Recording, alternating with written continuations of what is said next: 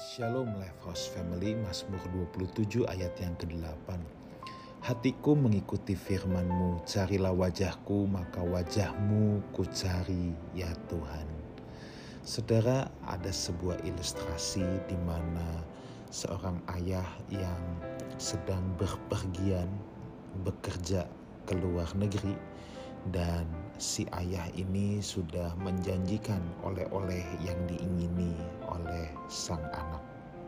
Tetapi karena begitu adanya sebuah kesibukan saudara ya, si ayah ini tidak sempat lagi untuk membelikan sesuatu oleh-oleh untuk si anak. Betul-betul sangat uh, sibuk sekali si ayah sudah sepanjang perjalanan membayangkan muka anaknya yang pasti kecewa, pasti ngambek ketika sang ayah pulang. Dan si anak pasti sudah janjian ingin menjemput ke bandara. Si ayah pasti sudah gundah gulana, saudaraku. Tetapi setibanya di kota tempat asal mereka, setibanya di bandara, maka dari jauh si anak memeluk ayahnya. Ayahnya sudah begitu galau. Ayahnya sudah begitu cemas anaknya akan ngambek, akan nangis, akan cuekin papanya.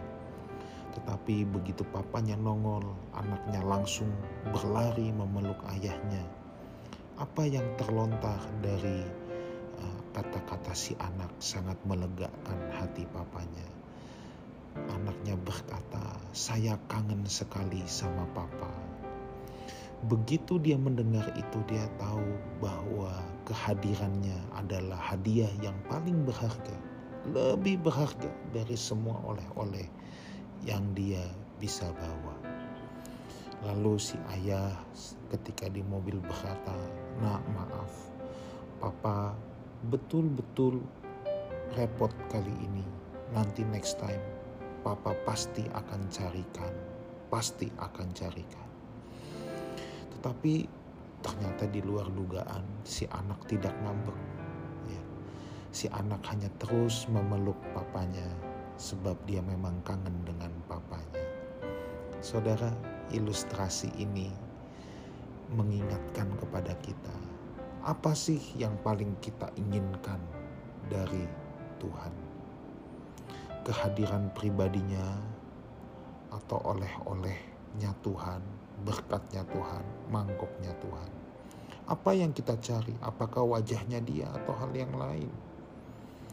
Wajah Tuhan itulah yang Daud cari. Tentunya ilustrasi tadi saya tidak mengatakan Tuhan kerepotan sampai nggak bisa jawab doa saudara. Bukan di situ poinnya, tetapi Poinnya ada pada si anak ini yang begitu merindukan kehadiran papanya melebihi semua oleh-oleh yang ada. Daud itu orang yang dikatakan punya hati paling pecah di hadapan Tuhan. Maka kalau dia boleh minta satu hal aja dalam hidupnya, dia berkata dia ingin kehadiran Tuhan dalam hidupnya. Lebih baik satu hari di rumah Tuhan ya, daripada seribu hari di tempat lain. Itu bukan lip service Daud, tapi Daud memang betul-betul sangat merindukan wajah Tuhan. Apakah kita menghargai, menginginkan kehadiran Tuhan yang begitu hebat dalam hidup kita, saudara? Apakah kita serius mencari keintiman dalam hadiratnya atau hanya berkat-berkat Tuhan yang kita nantikan yang tak kunjung tiba? Apakah hanya oleh-oleh dari Tuhan yang kita nantikan? Atau kita memang sungguh-sungguh mencari wajah Tuhan? Saudaraku, yuk kita kembali ke hal yang paling esensi. Melompatlah ke pelukannya.